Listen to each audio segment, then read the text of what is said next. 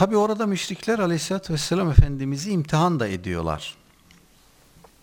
Ee, hadi doğru söylüyorsan bize Beyt-i Makdis'in oraya gidip gelmiş olanlar tarafından Beyt-i Makdis'in kapılarını pencerelerini bize söyle tavsif et diyorlar.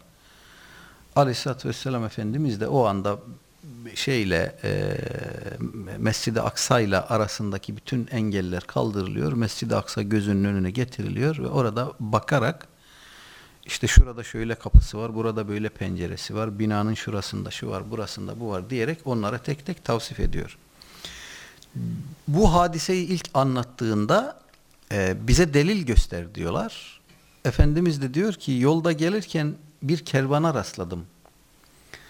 O kervanın e, şöyle şöyle hususiyetleri vardı. Şöyle bir develeri kaçmıştı.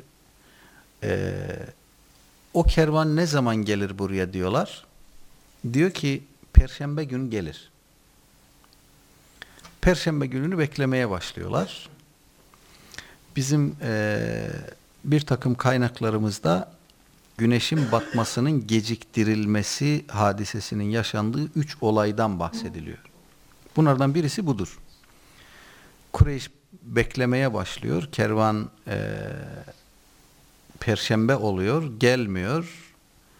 Güneş batacak vakte kadar bekliyorlar. E, tam güneş batacağı zaman Cenab-ı Hak güneşin batmasını biraz yavaşlatıyor ve kervan geliyor. Bu sözünü ettiğim olaylar içerisinde rivayeten zayıf bulunmuş e, olan hadise budur. Rivayet olarak bu zayıftır diyor alimler. Çünkü kervan sabahleyin gelmiştir, akşam gelmemiştir diyorlar. Oraya kadar anlatılanlar sahihtir, doğrudur. Ama güneşin batmasının bu hadise içinde geciktirildiğini anlatan kısmı rivayetlerin e, tartışmalıdır diyorlar. İkincisi güneşin batışının geciktirildiğini anlatan ikinci rivayet Bukhari Müslim gibi sahih hadis kitaplarında nakledilen e, bir rivayettir. Hazreti Yuşa bin Nun Nun niyazı üzerine, onun duası üzerine gerçekleşmiş bir hadisedir. Musa aleyhisselam az önce de söyledik. E, İsrailoğullarını vaat edilmiş topraklara kadar getiriyor fakat oradan içeriye girmek nasip olmuyor Musa aleyhisselama. Orada vefat ediyor. Yerine de Hazreti Yuşa'yı bırakıyor.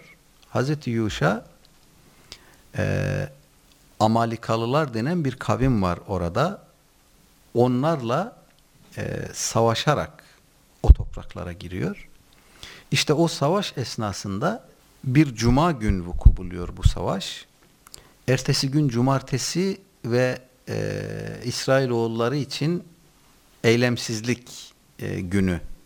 O gün hiçbir şey yapmayacak İsrailoğulları. Cumartesi yasağı var biliyorsunuz. Kur'an-ı Kerim'le de sabit bu. E, dolayısıyla güneş battığında cumartesi gün girmiş olacak. Savaşma durumları ortadan kalkacak. Cenab-ı Hakk'a dua ediyor Hazreti Yuşa.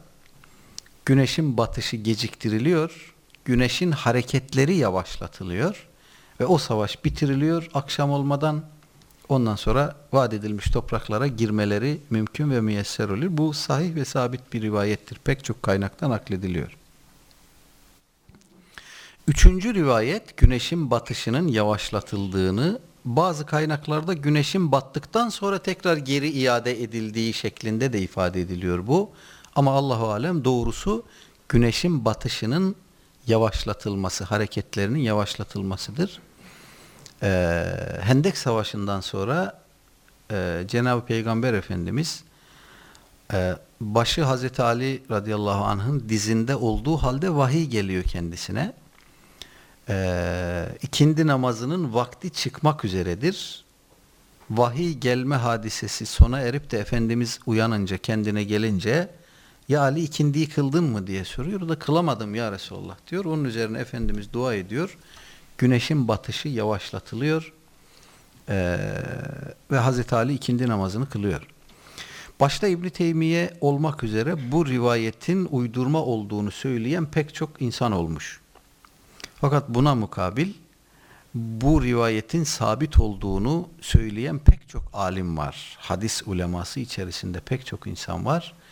Bu rivayetin uydurma olduğunu söylerken İbn Teymiye bunu e, Minhacus Sünne isimli bir Şiiye reddiye olarak kaleme aldığı eserinde söylüyor.